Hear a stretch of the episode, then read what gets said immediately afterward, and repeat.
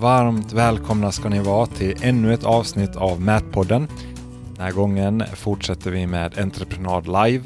Så missar ni förra avsnittet så lyssna på det.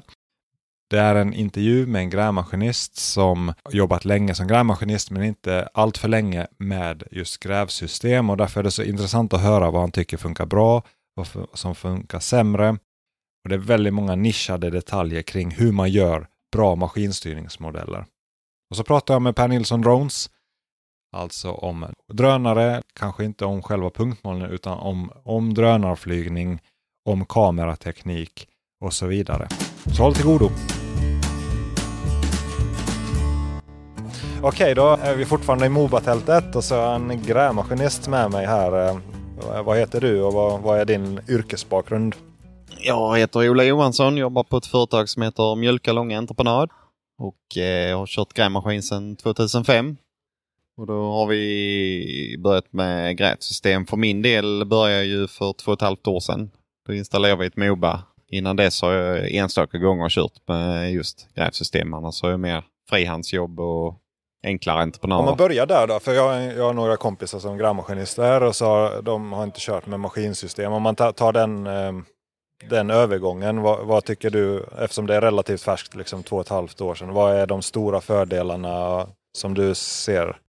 Det är ju överblicken på hela projektet till exempel att du kan se vad som, man kan nästan se slutprodukten om man kollar på pappersritningen och så har du hela modellen inne i eh, maskinen och du kan lätt hänvisa och veta var du är. Du behöver inte använda pinnar som förr och gå ut och mäta och du kan börja på en helt öppen yta och ändå se var allting ska finnas, byggnader och du kan lättare lägga schakten på rätt ställe när du gräver för att inte vara i vägen vid ett senare tillfälle. Vilken typ av jobb eh, brukar ni göra? Eller är det liksom större eller mindre entreprenader eller är det blandat? Vi företagsmässigt är vi både på stora och små. Jag gillar inte stora för det är för mycket Eh, andra man är alltså behov av. Så jag gillar mindre entreprenader och då har jag hamnat mycket på eh, bostadsbyggen, flerbostäder, alltså lägenheter eller som jag är på ett skolprojekt också med en ny skola och tillbyggnad av befintliga eh, skolbyggnader. Själva modellerna, alltså om man tänker sig det, hur har ni någon mätkonsultfirma som gör dem eller har ni egna mätare på eh, firman? Företaget kör till som heter Fasab då som är inhyrd hos. De har egna mättekniker som gör modellerna själva med. Så då har man en kort dialog, alltså är man inom samma företag. Så det är lätt att ringa om det behövs ändringar. Om man tycker det är något som inte riktigt stämmer, som är svårt att utföra med maskinen, så är det kort väg att få en ändring på det. Vad, vad, tycker du är viktigt att få med sig en modell eh, om, om du gör en grund eller något sånt? Hur, hur brukar du gilla att, och ha det upplagt? Då är, kan ju fördelen vara att typ ska göra en husgrund så vill man ju kanske gärna ha en terrassmodell och kanske makadam fall i fall makadammen kanske ska vara i olika höjder på grund av på olika mängder med betong som det ska vara för förstärkningar på grunden. För oftast får man bara kanske färdig betonghöjd eller färdigt golv då vet man, då måste man gå in i andra ritningar och leta upp hur mycket cellplast ska det vara på grov betong. Det är ju rätt så ointressant för just vår del. Det är ju, går man och frågar byggarna så får man oftast bara färdig betong för det är vad de har koll på. Men eh, vi vill gärna veta terrass och ja, makadam. Sen allt annat är lite oviktigt. Hur, hur, brukar du gilla med frischakt? Alltså vi säger, vi säger om du har ett fundament. Nu hoppar vi in i detaljerna direkt. Ja, ja, det är jätteroligt. Alltså, vi säger en hissgrop eller en schaktgrop. Alltså så, modellen, är du van att ha liksom att modellen visar exakt teoretiska betongläget eller vill du ha en inbakad? Eh... Jag tar gärna frischakt för man bryr sig kanske inte fullt ut vad är det som ska stå i, i hisschaktet. Hur stor är hissen? För annars måste man ju gå in och mäta i korritningarna och leta upp den här eh, handlingen. Då kan man ju liksom bara, ja men där är en halvmeters frischakt. Ja men då räcker det. Och... Typ brukar du komma överens då att all, alla gropar eller alla detaljer har en halvmeter frischakt så att du vet det eller? Oftast gör ju mätteknikern och kör an alltså att det är frischakt på grejerna men det kan också bli miss ibland om det är något kanske yttervarvet på en husgrund kanske har någon frischakt men är det en förstärkningsvägg i mitten så kan han ha missat att det är en frischakt. Men man brukar alltid dubbelkolla med k-ritningarna. Det är inte lätt att kanske få med allting på vissa typer av byggnader som kräver rätt mycket förstärkningar i grunden.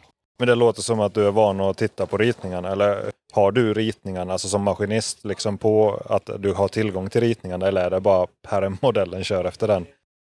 Nej, vi brukar, jag vill gärna ha ut ritningsunderlaget också. Dels vi får en färdig blick hur det ska se ut när det är färdigt och dels K-ritningar för ibland så kan det ju vara att man missar en del på en hel byggnad att just det här skulle också vara en förstärkning.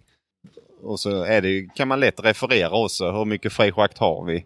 Behövs det mer frischakt så man blir lite nördig att man vill in och dubbelkolla i eh, traditionella pappersritningarna. För att systemet också, att man vet att systemet är rätt. Modellen stämmer.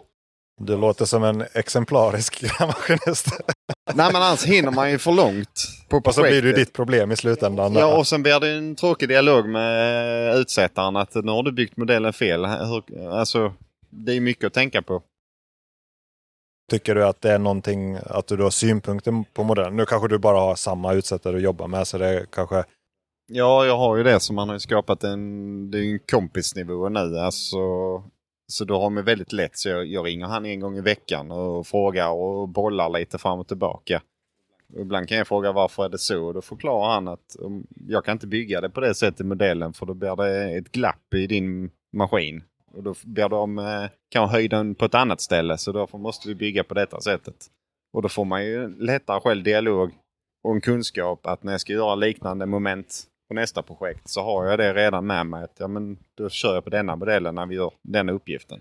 Ja men då låter det som att du har, alltså dialogen där är ett vinnande koncept. Ja det är det bästa, alltså förstå hur de tänker, alltså deras synsätt som ska leda till inmätningar.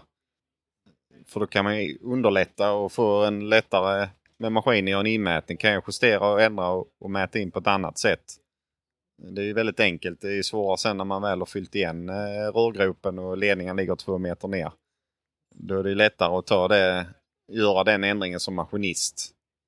Än att mätteknikern har två timmar framför sig vid datorn och ska försöka reda ut vad är det han har mätt in här. Två timmar eller två dagar. Ja, precis. Men då är det, så då, då, ja, det låter som du mäter in liksom din, eh, ja, rör eller rörgrav. Jag mäter in lite för mycket tycker han nästan ibland, men han uppskattar det. Men eh, jag tycker det är bättre att mäta in lite för mycket än för lite. Hur, hur lägger du upp det med kodning och grejer? Eh, jag har faktiskt en fusklapp som de har gjort. Så där alla koder och där till och med exempel på lite vad de uppskattar att man gör mätpunkter till dem. Hur, rent praktiskt, för det vet jag, mäter du på gässan då eller? Ja. Alltså, blir det sen att mättekniken får sänka linjen? Eller? Ja, då får han lägga om eh, till vattengång sen. Hur ser det ut på resten av firman? Alltså upplever du som att det är många som mäter in? Jag vet inte hur stor kontakt med andra maskinister du har. Alltså mäter, för jag pratade ju här tidigare med Johan. Att han sa att det är många i branschen som inte mäter in alltså grävmaskinister. Har du någon? Jo, men det upplever jag att många eh, de anser att där modellen visar att ledningen ska ligga, att de följer eh, modellen fullt ut så behöver man inte mäta in för den ligger ju där den är ritad. Och då är det inte, behöver man inte sätta mätpunkter. Men det är mycket lättare att ha med sig mätpunkter och många skippar ju typ el. Det är rätt vanligt att de skippar belysningen till fundament. Eh, vanlig gatubelysning, det är inte så noga att den är inmätt. Det är inte så farligt att gräva av den i framtiden. Visst är det synd att det är, att det, är det standardsättet. Det är bara, det är bara 2.30 så det är ingen farligt. Nej, och det har varit lite så nu att eh, vi var två maskiner på ett projekt och den ena maskinen åkte vidare så fick jag ju två anläggare. Så den andra anläggaren som gick med den andra maskinen han tittar lite konstigt på mig när jag sa vi får mäta in detta. Nej, det brukar vi inte göra, säger han. Ja, men nu gör vi för nu är det jag som ska liksom hålla i detta. Det här är rätt maskinist. Nej, men, men, hur, alltså om man nu känner alltså ett litet inre motstånd mot att mäta, vad är liksom fördelarna? Alltså så, vad tycker du? Alltså hur kom du in? Alltså, eller började du mäta in direkt när du fick maskinsystemet? Eller vad var det som gjorde att du började mäta in? Det är utsättaren lite som började klaga att du mäter inte in så mycket. Men det var ju lite, jag tänkte ju som kanske eh, andra gör att i början så lägger man där ledningarna är ritade så, så är det ju klart ju. Men sen blir det ju att är du på ett projekt som varar länge och det är alltid att jag missar ett projekt, att man får gräva ner någonting extra. Så har jag då mina inmätningar så kan jag ju hämta på en ledning och göra en gren och, och gå vidare. Eller om vi har grävt el rakt över så ska vi ner med en ledning. Ja just det, här har vi elen. Nu får vi ta det lugnt här. Ja exakt, det blir underlättar ju ditt jobb sen på samma jag, jobb. Jag underlättar ju mitt eget men tack vare mina inmätningar. Ja, jag tänker just det här med blir så, alltså I slutändan ska ju någon förvalta det. Och så liksom, och om tio år så är det, ja, ja då får du komma ju, tillbaka. de jag kört, ja, de jag kört till de ska ju lämna ett underlag med. Att alla ledningar nere och de ligger här. och så, menar, Det gynnar ju alla att veta var det är. Um, om man tänker sig eh, funktioner i, vi säger nu, jag, jag antar att du kör ett Moba-system då. Eh, hur, eh, hur mycket av funktionerna tycker du använder? Är du nyfiken och kollar liksom vad... Ja, jag har ingen aning hur mycket jag lyckas utforska men det på två och ett halvt år. Jag tycker jag utökar och använder det mer och mer. Alltså jag hittar mer dels lösningar ibland när eh, man saknar någonting inom modell så kan man ändå lösa det innan. Behöver inte ens ringa utsättaren och be om en ändring utan man kan jobba med systemet och jobba runt för att få fram det man saknar. Har du något exempel på det? Eh, saknade, det var olika golvhöjder på ett projekt. Där det var typ ett teknikrum och sen efter det så var det ju något soprum och det var olika höjder men utsättaren hade dratt samma höjd som alla lägenheter så då får man ju räkna offset där och och referera till var man är på byggnaden. Och många hade ju då sagt, ringt och så kan sagt det här stämmer inte. Det här ska ju vara den höjden för det säger pappersritningen. Men, och ledaren man själv upptäckte det att detta stämde inte.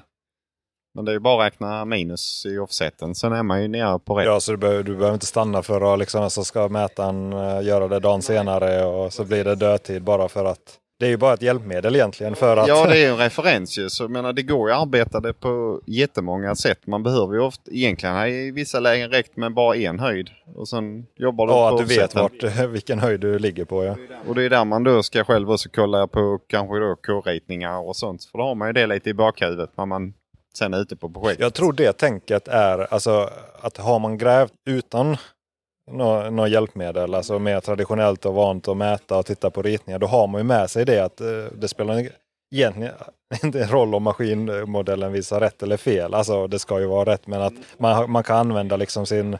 Ja. ja, man har ju det lite att det är den höjden, det säger ritningen. Och är det då att man ser på i GPSen att eh, nej, men den höjden får jag inte i maskinen. Då får vi ändra det för pappersritningen, det är ju den som gäller, det är en bygghandling. Så en funktion som uh, han, han pratar om är att man kan bygga, som, jag vet inte vad den hette, men att man kan bygga som uh, baslinje och normalsektion. Uh, funktioner, att man kan typ, jag vet no, Leica kallar det för väghalver. Jag vet inte, är det någon funktion som du har testat? Jag tror inte, jag har inte gjort så mycket med väg. Nej, det, för det, det är i princip att du kan jag kanske klipper bort det här men alltså det, det, ja, det i princip att man kan ha en linje. Vi säger, du, antingen teoretisk från utsättaren eller så mäter du in en linje så. Så kan du, då kallar man det för normalsektion. Då kan du säga att 5 meter 2 lutning och sen kan du lägga en en på en slänt typ eh, en meter. Alltså så du skulle kunna bygga som en vi säger om du har en färdig platta och så mäter du in eh, bägge ändarna så skulle du kunna bygga en lutande plan och ett dike eller vad, ja, alltså du, du säger liksom att den ska vara ett visst, visst mått. Så det, det, kunde man göra i maskinen. Det sa han att det var lite en av de mer ja, avancerade funktionerna. Men eh, för jag tänker att det är ju det man egentligen många gånger gör i kontorsprogramvaran. Alltså du utgår ifrån en linje och så beskriver du ytan eh, ja, 2% 10 meter brett. Det skulle ju kunna vara en uppställningsplan ja. mot ett dike. Och det, skulle, det kan du göra i maskinen då. Men det är inget du, du har testat än? Nej, jag har inte provat. Jag har gjort någon, alltså typ en plan yta eller något lite enklare med fall på ett håll. Alltså mellan två brunnar som man har gjort manuellt själv. Hur, hur gör man det i det systemet? Blir det att man mäter? Eh... Då mäter du kanske utloppet på den första brunnen och så kör du till nästa och sen skapar du en yta och då gör, kan du själv bestämma bredden på den modellen. Alltså om du vill ha den två meter bred så kan du bara gräva däremellan. Så det är mer, jag har kört mer det enkla. Men, men du kan, alltså du bygger ytor, kan göra lite hjälp? Ja. Och ibland på vissa projekt så mindre typ sådana här servicehus och sånt som är på lägenhetsförråd och sophus. Då brukar jag inte ibland utsättaren ta med den betongplattan för det, det är en liten grej så då, då går ju kanske färdig markyta lutar rakt igenom den och det stämmer inte det när man ska göra den plattan man håller GPSen. Då får man kanske själv skapa en plushöjd där med verktygen som finns i GPSen. Jag tänker lite där med kommunikationen mellan utsättarna. Alltså så, hur har ni kommit fram till liksom hur ni namnger saker? En viss standard eh, till exempel, alltså typ färdig yta, terrass. Eh. Blir lite bättre. Ibland eh, trixar han lite med eh, namnen och sånt där mellan engelska och svenska så då blir man lite förvirrad. Men eh, i och med man har så nära, alltså skapat en bra relation och förståelse för hur han tänker så är det ju lätt att, att bara ringa ju. Vad, vad gillar du se? Vi, säger, vi, vi tar en, en, betong, en grund då, eh, en gång till som exempel. Vad gillar du ha i maskinen? Alltså, i fram, alltså, räcker det med en yta eller vill, har du, vill du ha K-ritningen som i en bakgrund? Och... Jag vill ju gärna ha k-rating. Jag vill ha så mycket. Jag vill nästan ha innerväggar och nästan inredningen också i lägenheten ibland. Men, nej, men gärna, jag vill gärna ha för mycket. Jag vill hellre kunna släcka ner om det blir för mycket. Eller så, eh, för många är ju vill inte ha så mycket men jag är mer att ju mer desto bättre. Ja men det låter ju bra. Eh, kan, har du fått någon gång IFC-fil? Alltså själva, för arkitekterna kan ju, de exporterar ju ofta ut ett format som heter IFC och då, är det ju, då har du ju som, där har du ju verkligen handfat. Ja, ja. Eller liksom inneväggar. Ja någon gång har jag fått det på något projekt. Visst sa de det att man kan lägga in de filerna? Att då kan, ofta få, kan man då med det är inte alla projekt som man ens får dem, men på många pro större projekt framförallt är de ju projade i full 3D och liksom då har de ju egentligen objekt. Då kan du klicka på en dörr så står det, det 9 x 21 eller ja, och kanske dörr, sånt filtrerar man kanske bort men, men det finns ju potential att få väldigt mycket. Ja, det har jag inte fått det. Men något projekt har jag sett i bakgrunden alltså, men det är ju beroende på hur kanske det underlaget är gjort från början. För, för där är ju en fördel, alltså, vi säger kanske man gräver inte efter den, men då får man ju den här förståelsen. Jag vet FMT Mark om du har uh, hört talas om dem. Nej. Ja, är bra. han är inte överallt. Nej men det, han, han är ju Göteborgstrakten. Han är ju väldigt, han, vi hade ett avsnitt ett år sedan, men han är ju väldigt fra, långt framme. Han jobbar ju mycket med visualisering och använder alla avancerade funktioner. Det är ju en entreprenör som är väldigt liksom eh, han heter ju Fredriks marktjänst innan, nu är det framtidens marktjänst. Men, att, eh, men han, han pratar just om det där att ha om du har IFC-modellen eller huset i din grävmaskinsmodell så ser du att okej, okay, här är ingångarna. Då, då kan, även om du inte har kanske en modell på en trädgård, vi säger som en privatperson eller lite mindre jobb, så har man kanske ingen full projektering på marken. Utan då är det kanske bara grunden. Då kan du ändå se, liksom, okej, okay, man måste ju komma till dörrarna och kan fylla med liksom, en gång här eller Ja, då, man får ju den här förståelsen. Att, ja, man får en helt annan överblick. Hur det ser ut när det är färdigt. Likaså en villa, om man säger, då vet du kanske var varmvattenberedaren ska vara och elskåp. Då kan du lättare dra upp elen, annars kanske det är bara, alltså elen ska vara här men då, jag kan kanske flytta den lite eller det är den väggen som gäller. För här, här har de då eh, projat att här ska varmvattenberedare och inkommande vatten och allt sånt här. Då, då, kan man hamna mycket mer rätt så det ser snyggare ut när det väl kommer upp genom betongplattan och det stämmer där, där det ska vara. Ja, så IFC-filer eller liksom själva husmodellen. Men det är intressant att höra just att alltså, du gillar, du är hellre, hellre att du släcker. Ja, ja, hellre för mycket information än för lite. För du kan göra ett bättre jobb med, med för mycket information men du kan inte göra ett bra jobb med för lite information. Då får du göra vad du tror. Hur, hur eh, som de modellen eller det underlaget du har, Tittar du på dem någon gång annat på ett annat sätt än i maskinen? Alltså typ på, kan, kan man titta på modellerna eller informationen typ, nu vet jag inte vad det heter, Excite Manage eller? Excite Manage kan man ju, men de använder en FTP-server där, där jag kör nu. Så då bara hämtar jag i filerna. Så då kan jag inte gå in och titta men... Eh, Utan det är i maskinen du tittar på? Det är bara i maskinen och sen brukar jag ha med mig pappersritningen och så brukar jag sitta och gå igenom lite och kolla översikt om jag tycker att modellen stämmer eller utseendet på modellen gör att jag kan referera till att det ser ledande ut på pappersritningen. För jag har tänkt mycket på det, för jag, jag gör ju modeller, alltså jag projar och så gör modeller. Jag har varit mättekniker innan då. Men att eh, i vissa program, alltså vissa program så kan man exportera ut modellerna typ till en webbtjänst. Eh, jag använder Autodesk, alltså eh, eh, Civil 3D heter den. Och då kan man som dela modellen och då, kan, då får man den, eh, typ en länk så loggar man in. Då kan man vrida på den i webbläsaren. Och då kan man ju snitta också, och göra snitt på den. Typ flytta ett plan så, liksom, så att man ser. Och det, det, det, har jag mer och mer övergått till med vissa entreprenörer att bara ha det som leverans. Alltså, ofta vill de ha en pdf för att kunna se vad är det som finns i maskinen. Men har de en 3D-modell så, så kan de liksom se, har den ansluten mot vägen där. Att den blir, då har man den liksom mer ja, till hjälp, att man kan se den inte bara i maskinen. Så det, ja, det är bara en sån tanke jag fick. Det var därför jag frågade. Eh, vad mer? Hur kom det sig att ni valde Moba? Vi har ju Like i stort sett på resten av maskinparken men eh, support och lite sånt har blivit sämre.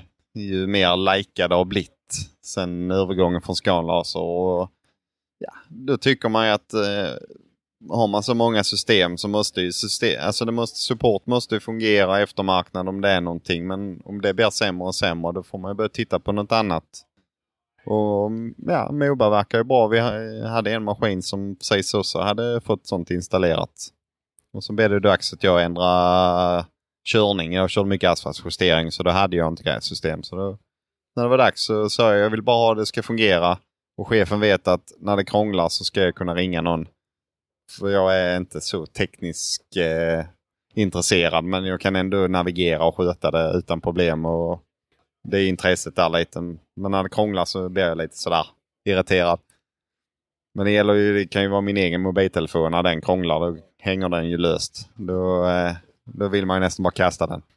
Men då blev det Moba och det har fungerat jättebra. Supporten med fjärrstyrning och allting. Alltså det har varit väldigt suveränt. Och det är få gånger som det har krånglat. Det har bytt dator är det, men det var kretskortet som var något mm, ja, millimeterglapp någonstans i någon luddning eller vad något. Så ibland när det rörde sig så tappade jag GPSen. Det är i stort sett det det har varit och det är ju det är en tillverkningsgrej. Det kan ju hända vem som helst. Ja, så är det. Om man tänker kvalitet eller den datan du får, alltså eh, om man tänker kalibreringar och så, hur jobbar du med det för att veta att, det, att systemet visar rätt? Eh, brukaren, utsättaren, finns i närheten och han kanske har satt upp totalstationen på, nu har vi sån lyx att eh, nu har vi två projekt, har de precis bredvid varandra så har han varit där och gjort, satt upp totalstationen så brukar det bli han, kan du inte komma inom så kollar vi. Om jag sätter den punkten så kollar han, jag har ungefär samma. Brukar så, du göra det relativt ofta då eller? Ja, i alla fall eh, minst kanske ett par gånger på, på samma projekt när han ändå är ute och ändå ställer upp med en totalstation så är det inte fel att dubbelkolla hur ligger jag nu? Hur, är det något som har ändrat sig? För annars vet man ju inte förrän man har, Nej, men förrän det egentligen är för sent. Nej, jag vet. Det är vissa... Det är väl en rutin. Jag vet inte, brukar ni ha som fixpunkt? En höjdpunkt som man ja, kollar? Ja, vi har ju höjdpunkten. Det är i stort sett det. Sen de andra axlarna är inte ofta. Men de är inte lika kinkiga. Nej, men det är inte fel att dubbelkolla dem också. Just att vi börjar ju innan profiler och allting uppe. Så det är ju rätt bra om vi inte står med ett stuprör inne i högskolan. Hur, hur noga upplever du att, vi säger om du drar upp stuprören utanför till grunden. Hur, hur noga upplever du att du hamnar med hjälp av bara utsättningen av, alltså med hjälp av en skopa? Det är under 5 cm. Det kan ju vara kanske 2 cm fel. Sen är det ju noga modellen är gjord för ibland så drar de bara ett streck att här ska stupröret vara. Hade man haft kanske en cirkel då i änden på strecket. För så du, hade du det... liksom bara siktar liksom mot... Ja, siktar på änden på strecket och har man dragit det lite för nära huskroppen så, så blir det ju kloss in till husgrunden. Så där har man inte, då får man hellre kanske skippa och följa strecket utan hålla skopan på husgrunden och så plussa på en 5 cm på skäret där så får ju röret vara där istället.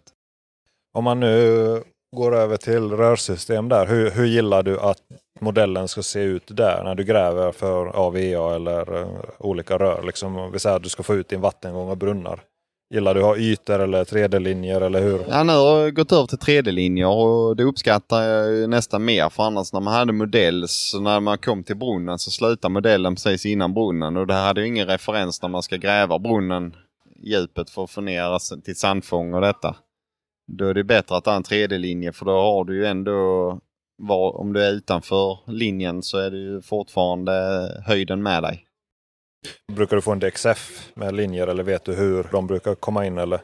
Nej, så jag pass på den. Så mycket kan inte jag om det.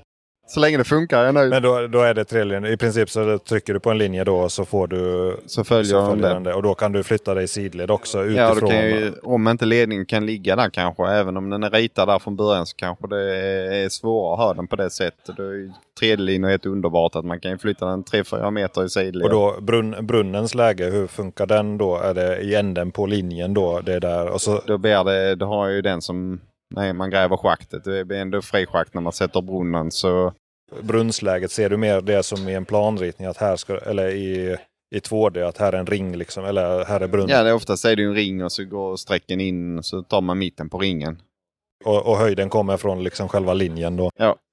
Sen är det beroende på storlek på bron och dimension på ledning. Så ibland får du flytta brunnen tyvärr så den inte kan vara i med sträcken går ju mitt. Och utgångarna på brunnarna, det blir lite annorlunda när det är kanske en tusenbron. Då får den komma lite fel eh, i, i förhållande till ringen.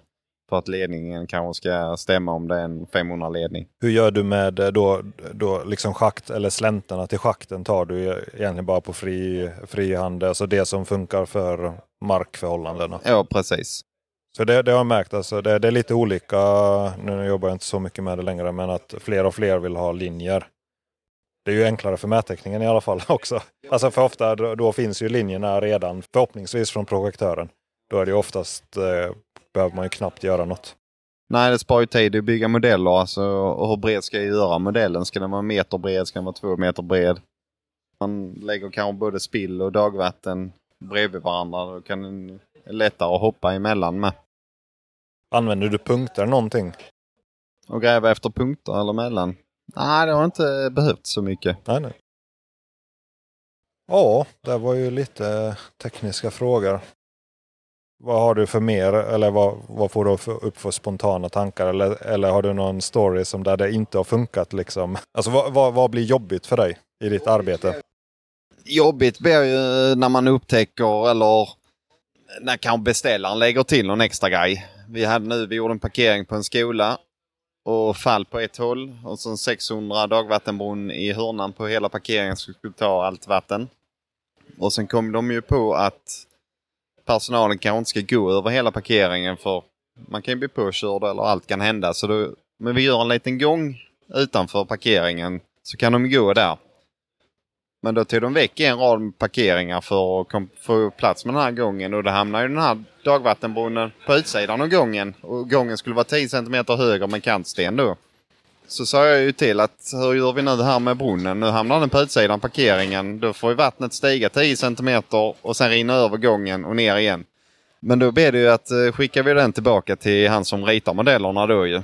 Men han gjorde enkelt. Han klickade ju bara i datorn och flyttade den här brunnen innanför den kantstenen. Sen var ju problemet löst ju. Så fick vi en ny ritning i pappersformat ut. Att nu är brunnen på insidan som den ska vara.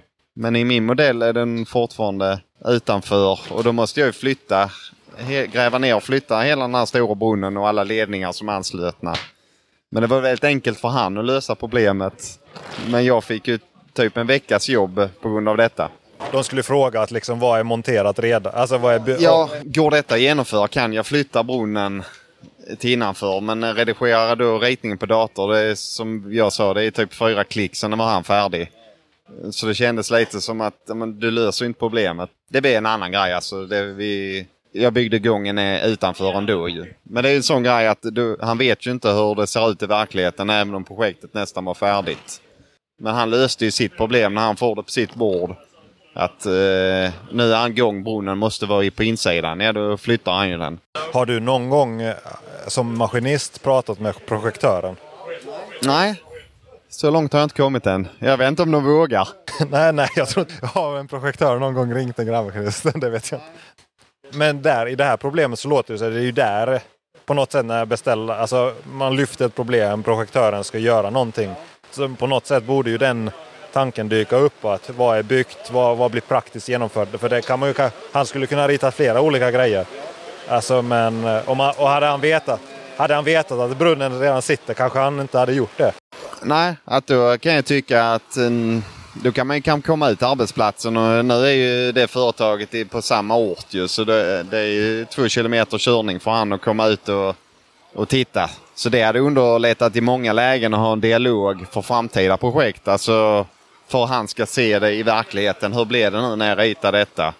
För annars blir det ju det blir lite eh, sämre stämning emellan egentligen. För en annan tänker, hur kan han rita så här? Detta funkar inte i verkligheten. Man kan inte ha fall genom en sandlåda för då fastnar ju vattnet i sandlådan från asfalten. Så blir det ju eh, gyttja med tiden. Så det är sådana grejer att man gärna, då vill man gärna hjälpa och förklara att kan vi inte rita det på detta sättet? Tänk på detta. Det låter ju som ett genomgående tema där, alltså både med mätteknik eller projektör. Alltså dialog till verkligheten, alltså kopplat till vad man faktiskt... Jo, men jag, jag är väldigt beroende av han som ritar och projekterar. För annars kan inte jag jobba ju. Alltså jag kan inte bara be han och eh, jag fixar detta själv, för jag kan inte själv rita det. Så jag måste ju ändå ha en kompisdialog med den. Och när man är kanske eh, utsättare måste jag också ha om ja, man är inne längs med väggar och sånt. Då fungerar inte GPSen för det missar man ju satelliterna. Då är det totalstationen som gäller. Då får man ju be han vackert komma ut och sätta ut lite. Och då kan man inte vara ovän med en sån ju. Och sen vill jag gärna ha förståelse för deras jobb, alltså eh, hur de har det. För då kan jag lättare också, ja, till mitt eget jobb. Jag blir bättre som maskinist när jag vet hur andras uppgifter eller hur, hur de jobbar. Kloka ord. Nej men det låter som att det är egentligen alla, alla måste alltså, på något sätt förstå ett led åt bägge håll. Liksom, vad händer före mig och vad händer efter mig? Är ju, då, då blir ju ens eget jobb Ja, annars tycker jag man utvecklas inte. Gräva det kan man ju men man måste ändå ha helheten i, i sitt jobb, alltså yrkesmässigt. Och, och, ingen annan kan bli bättre om man inte får liksom feedback. Alltså får nog en effektivare och det är ju GPSen är, det sparar jättemycket bränsle och allting och logistik. Alltså hela den, man måste tänka på hela den biten. En bättre modell och bättre projektering från början sparar ju diesel och tid för mig. I en, I en optimal värld, säg, säg att det är lite enklare projekt. I stora projekt är det svårt att påverka för det är så många intressenter. Det är ju liksom projektörernas värld. Men alltså vi säger en mindre, alltså det är maskinhall och så är det någon uppställningsyta och så. Hur skulle du, vi säger som, eh, jag bara tänker för min egen del, jag ritar rätt så många sådana projekt. Liksom.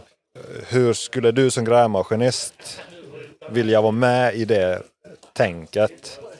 Alltså, eh, för ofta om, vi säger om du, du har varit på plats liksom, så du, du har ju en tanke liksom att det här skulle vara bra eller det här skulle vara dåligt.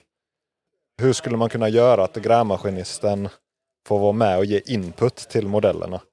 Eller till projekteringen?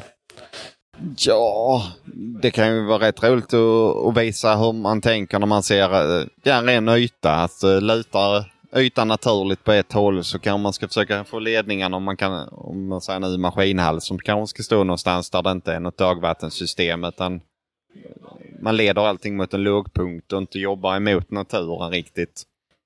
För det sparar ju tid också för ska ledningen luta på ett håll och marken lutar samtidigt på det hållet så blir det aldrig jättedjupa schakt eller något sånt där utan och lite lättare kan hitta massbalans när man ska göra plan yta för själva maskinhallen. Att man kanske kan ändra, flytta lite och tänka lite hur ser naturen ut. Och jag tänker liksom en yta kan man ju få av avvattning på olika sätt. Så jag vet inte vad du tycker. Alltså, det är ju väldigt enkelt att rita ett kuvertfall. Men det, visst är det jobbigare att utföra ett kuvertfall än en plan lutande yta. En plan yta föredrar för när vi lägger krut och tid på att göra kuvertfall. Det är visst tidskrävande men det blir ju bra. Men sen kommer vår kära asfalterare som tycker det är jättejobbigt och då gör de oftast raka drag ändå. Så ibland känns det som att man gör ytorna lite mer avancerade än vad de behöver vara. För där har man ju också inte kunskapen hur asfalterarna tänker. För då har jag också märkt att de bara tittar, är det fall till brunnen då ska det dit. Sen lägger de vad de lite de har inte riktigt samma tänk. De får som... lägga mycket justermassa så blir de glada.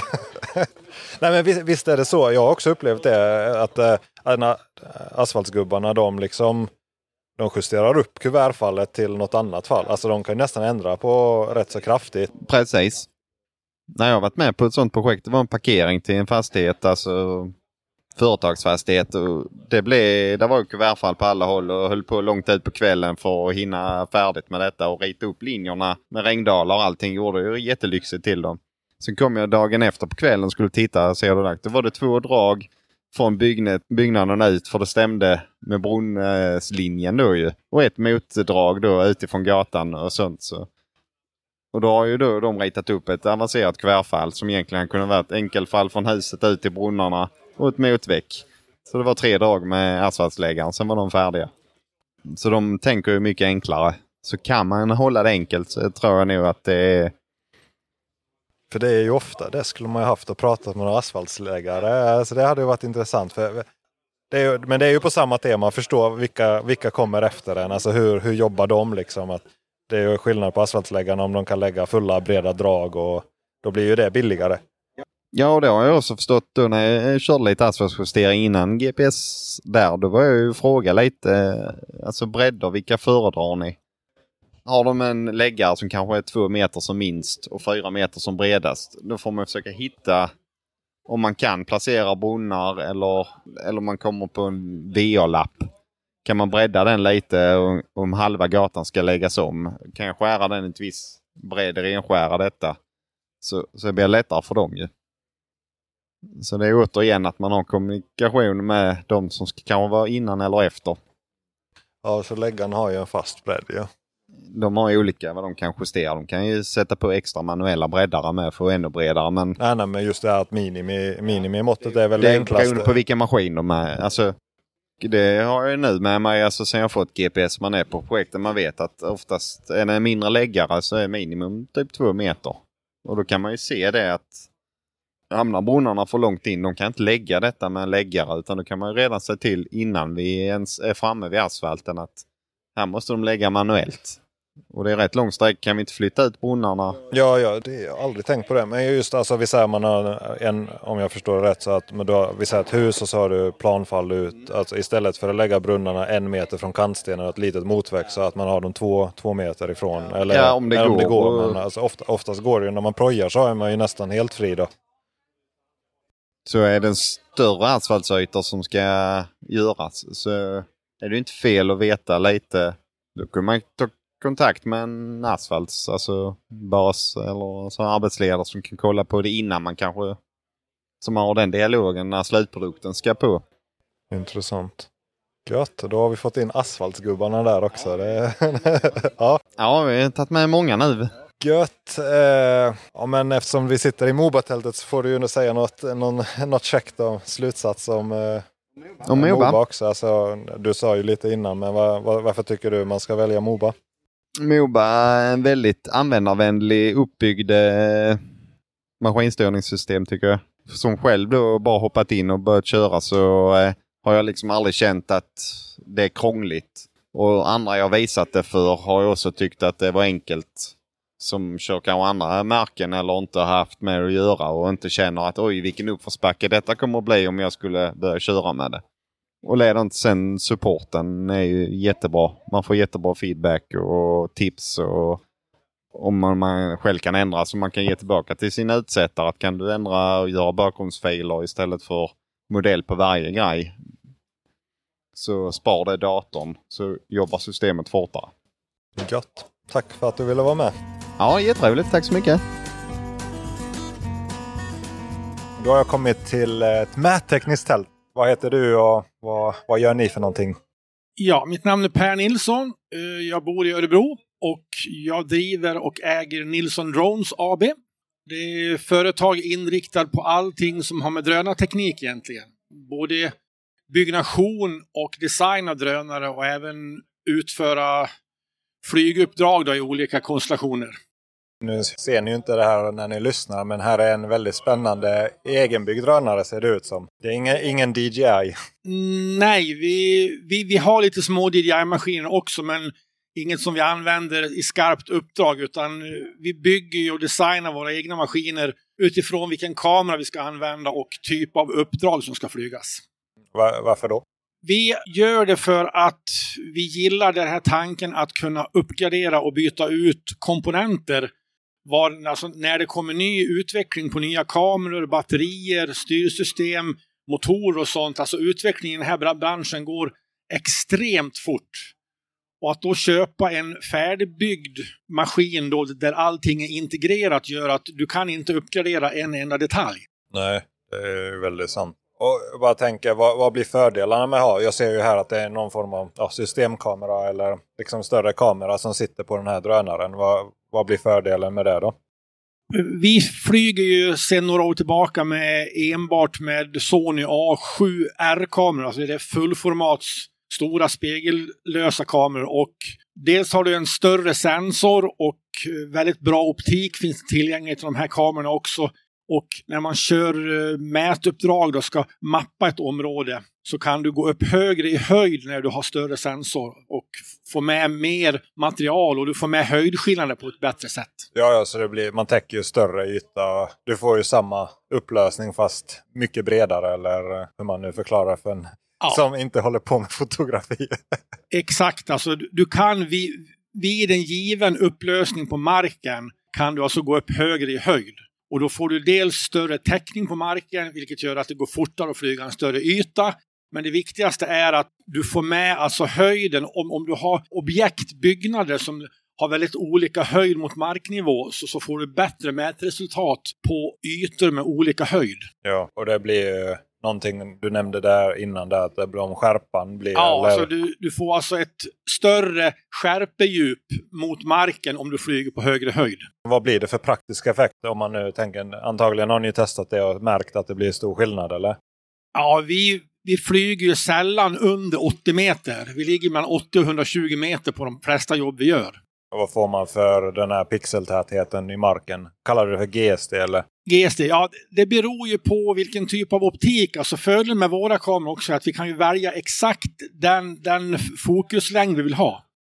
Men vi, om du tänker att vi kör med en extrem vidvinkel som en 18 mm som vi flyger ofta med, så får vi ändå en, en GSD på 3,5 cm från 120 meter. Och det, det, blir väl att varje pixel blir 3,5 cm? Att det är det det motsvarar då? Exakt. Ja, det är ju väldigt bra. Jag, jag bara försöker referera till ett ortofoto när man zoomar in. Alltså 110 rör brukar jag titta på. Alltså för då vet man liksom hur många pixlar ungefär det täcker. Då, är det, då låter det, blir väldigt skarpt fortfarande för de, nästan alla syften. Ja, det räcker för de flesta syften. Och vi kan ju gå ner lite i höjd och byta till en, en längre brännvidd. Så vi har ju alltså möjlighet att uh, göra jobb med GSD under en centimeter utan problem. Hur, uh, jag bara tänker på det vertikala ytor. Vi sen när man använder, uh, får, jag, jag jobbar ju, blir, blivit mer och mer alltså projektering. Och ofta blir det ju då någon form av drönarflygning i botten där. Då är ju problemet det här med ofta är man inte ute efter färdig golv eller i alla fall någon dörrnivå eller något liknande. Eller, alltså vid fasader så blir det ju väldigt fort fult i, i flygningar. Hur, hur gör ni där för att täcka liksom? Ja, det stämmer. Det är ju alltid problem med vertikala ytor både på byggnader, buskage och liknande. Det, det, har man ju återigen fördel av att man har en större kamera så man kan alltså använda en mindre brännvidd, alltså mera vidvinkel, för då kommer du få bildmaterial som ligger mer i vinkel även när du fotar rakt vertikalt neråt. Men vi, vi brukar faktiskt eh, ha som standard att vi riktar alltid kameran 5-10 grader framåt. Så vi ska få med mer av vertikal yta. Ja, då får man med roten liksom på byggnaden utan problem. Då. Ja, exakt. Eh, jag hörde här med någon eh, som pratade om att tak, alltså få bra upplösning på tak eller liksom att det blir exakt data. Hur, har du någon tanke kring det? Liksom att få takhöjden rätt? Upplever ni att det, ni har problem med det någon gång? Nej, det, det, blir inte det problemet. För om du har en byggnad som är så, så pass hög som 40-50 meter, om, om vi ändå ligger och flyger på 120 meter så har vi fortfarande riktigt bra och exakt skärpa både på taket och på marken nedanför. Hur, eh, rent bara tekniska stacken där, eller hur, hur processar ni molnen? Alltså vilka mjukvara använder ni? Vad är, vad är slutprodukterna som ni brukar leverera? Det är min kollega Magnus då som sköter all mjukvara, både att hantera mjukvaran till själva drönaren och även bildhantering då och han kör Pix4D. När du säger det, du, då har ni ju delat upp det antagligen. Då är det ju liksom flygningen. Så tror du det är dit? Jag bara märker det som en trend att um, man kallar det för mätningsteknik men det finns ju jättemånga sub eller små, små områden och det blir nästan specialist områden, varje enskilt delområde. Man kan ju flyga drönare om man, ja men jag flyger drönare. Men vad, vad blir liksom din specialistkunskap när du flyger drönare? Du kanske inte, när du inte processar dem. Alltså vad är det, vad, hur tänker du? Vad är fördelen när du bara kan koncentrera dig på flygningen?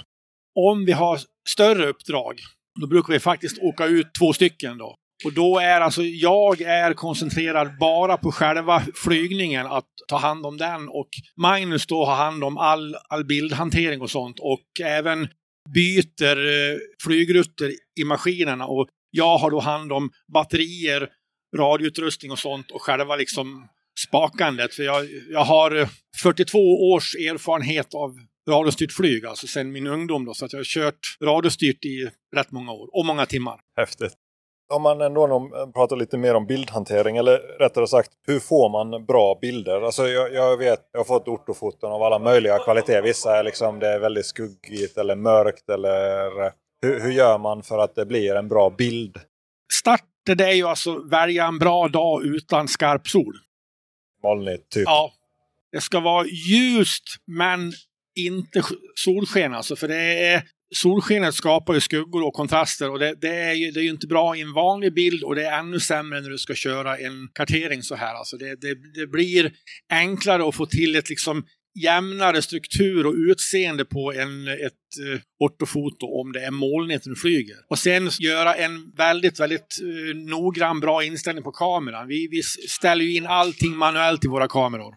Gör ni någon form av bildbehandling? Eller är det att bilden som tas är den som processas? Anledningen varför jag frågar är att jag, jag följer en som jobbar i England, Barry Bassnett på LinkedIn. Han håller på mycket med fotogrammetri, men då med inte med drönare utan från mark, liksom, med systemkamera. Men han skriver rätt mycket artiklar att de, de processar bilderna för att liksom mildra, liksom lyfta fram från skuggade områden. Och så Är det någonting som ni har arbetat med? Jag är bara nyfiken eftersom ni är lite mer specialister. Vi har aldrig behövt gjort några sådana korrigeringar på bilderna innan vi lägger in dem i programmet. Utan det, det vi lägger lite tid och sen kamerorna vi har, Sony A7, de, de är väldigt, alltså de har ju hyfsat stort sånt här dynamiskt omfång och alltså kan alltså exponera ljust och mörkt i samma bild på ett bra sätt. Så det, vi har aldrig liksom Fixat med en bild så, alltså innan vi bildbehandlar. Och det är, ju, det är ju sant att vi, man flyger drönare när det är ljust ute. Alltså jag vet för han fotar mycket tunnlar eller, och på järnväg och sånt. Och han, han har ju skrivit, jag har haft någon intervju, inte spelat in den men har haft, pratat lite med honom. Han,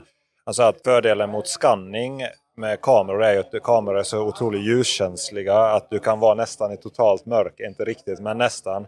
Och då kan man liksom få fram ett punktmål, något, någonting att inspektera under dåliga förhållanden. Men då kan man liksom jobba lite med att lyfta skuggorna eftersom datat finns i RAW-formatet. Ja, det var bara en sån eh, tanke. Ja. Jag kollar på en film här om punktmål men det står fastighetsfoto, flygfoto. Alltså vad finns det för andra grejer än mät, rent det här mätningstekniska punktmål liksom, som ni gör då?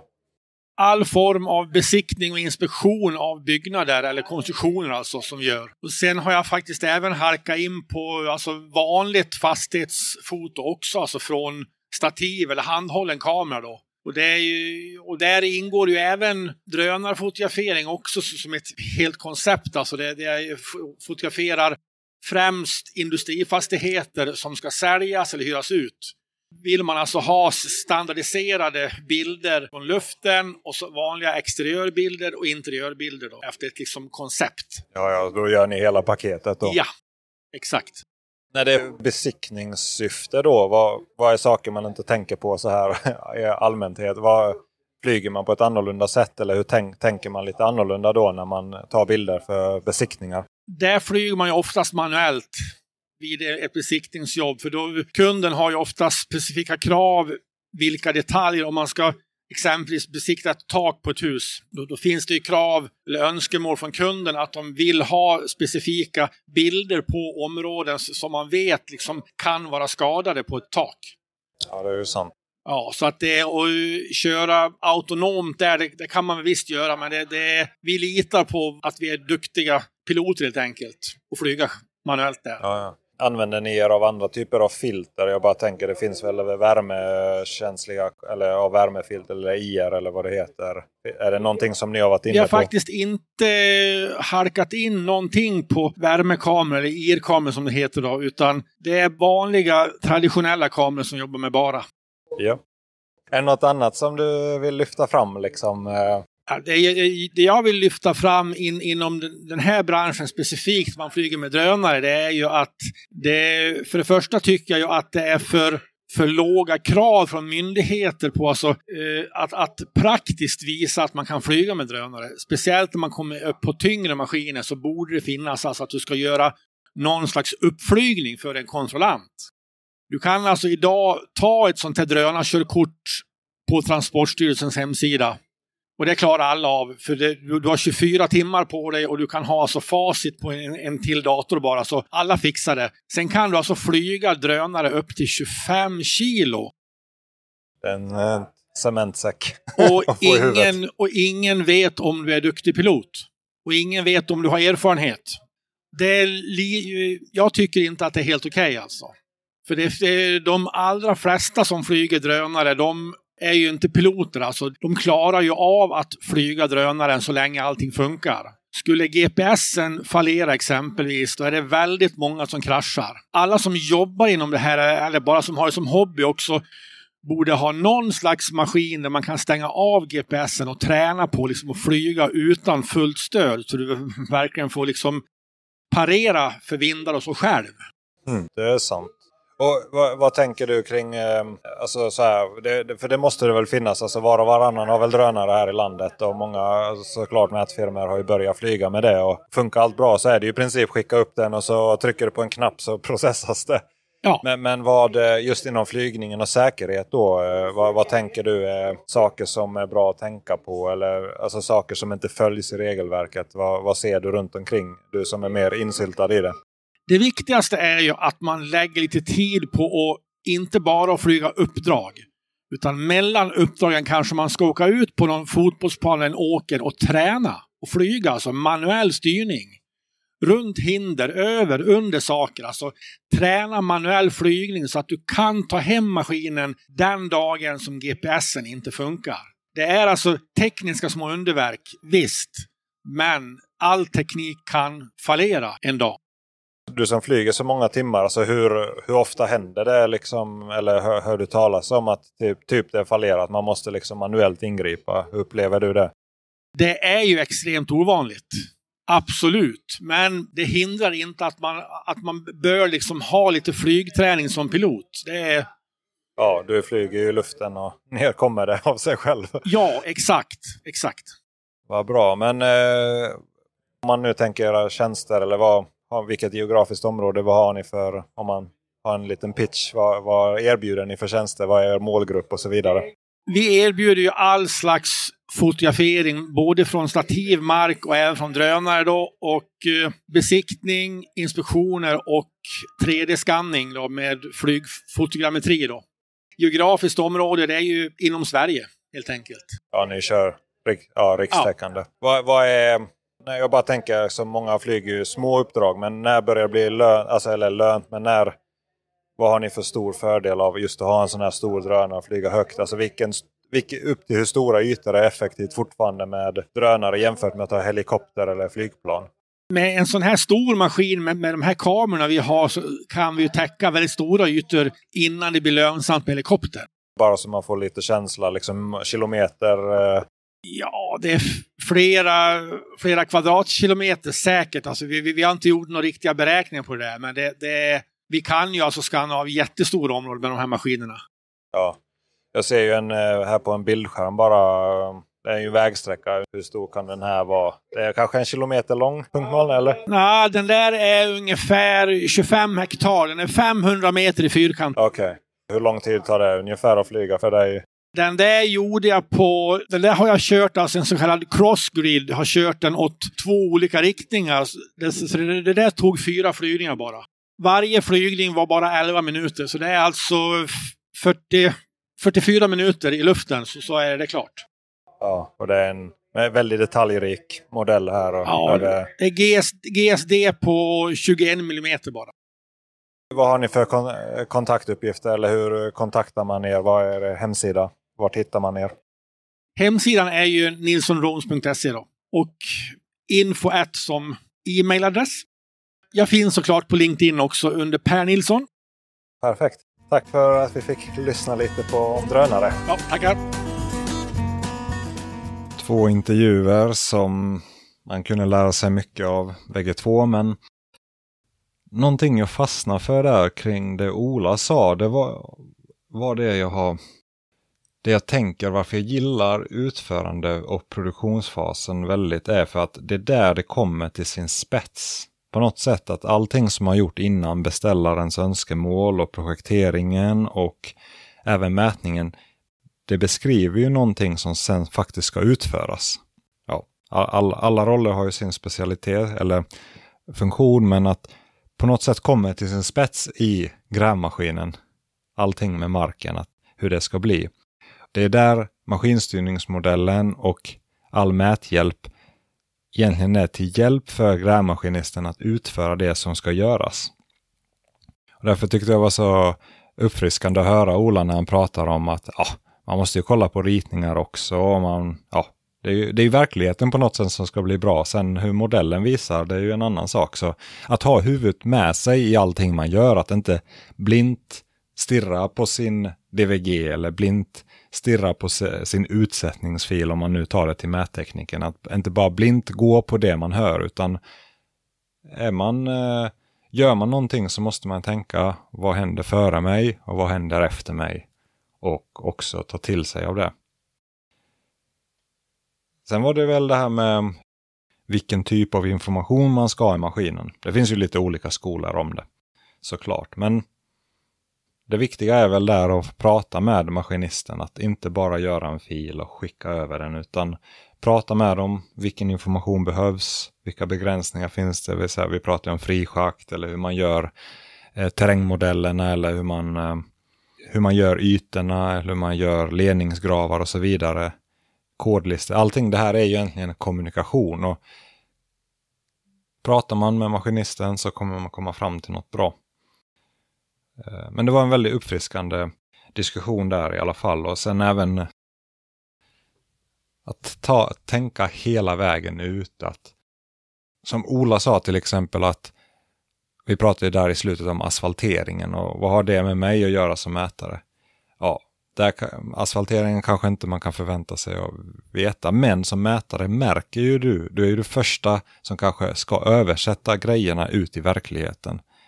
Och då kan man ju tillföra ett otroligt värde där genom att se, kommer det här fungera? Kommer det här fungera i praktiken för de som ska bygga det? Eller ska man redan där flagga för att det här kommer inte att funka?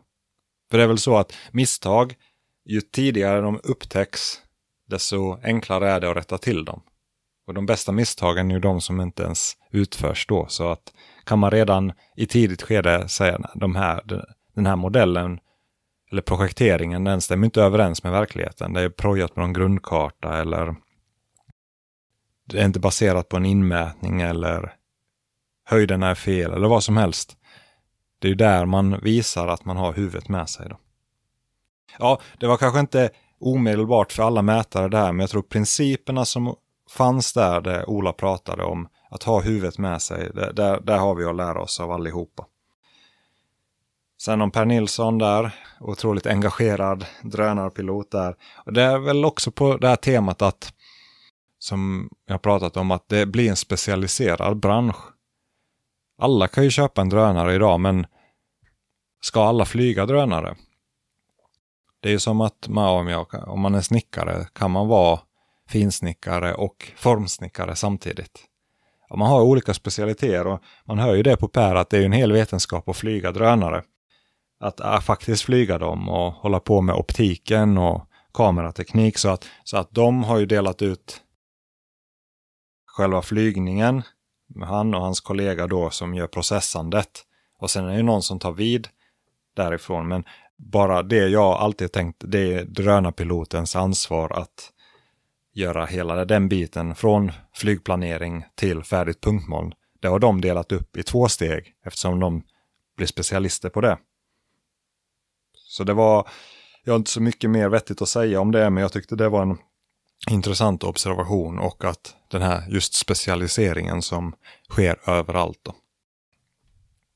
Men otroligt härlig person och prata med Per och engagera, det är sånt vi behöver i branschen. Att man, och det är ju mätare generellt, engagerade personer som bryr sig om det vi håller på med. Ja, det var Det om den här intervjun och några tankar som jag hade kring Entreprenad Live. Så tack för att ni tog er tid att lyssna. Uppskattar det och dela gärna med er av till någon som ni tror skulle uppskatta det här. Länkar till eh, Per Nilsson och till Ola och Mjölkelånga Entreprenad finns i avsnittsbeskrivningen. Tack och ha det bra!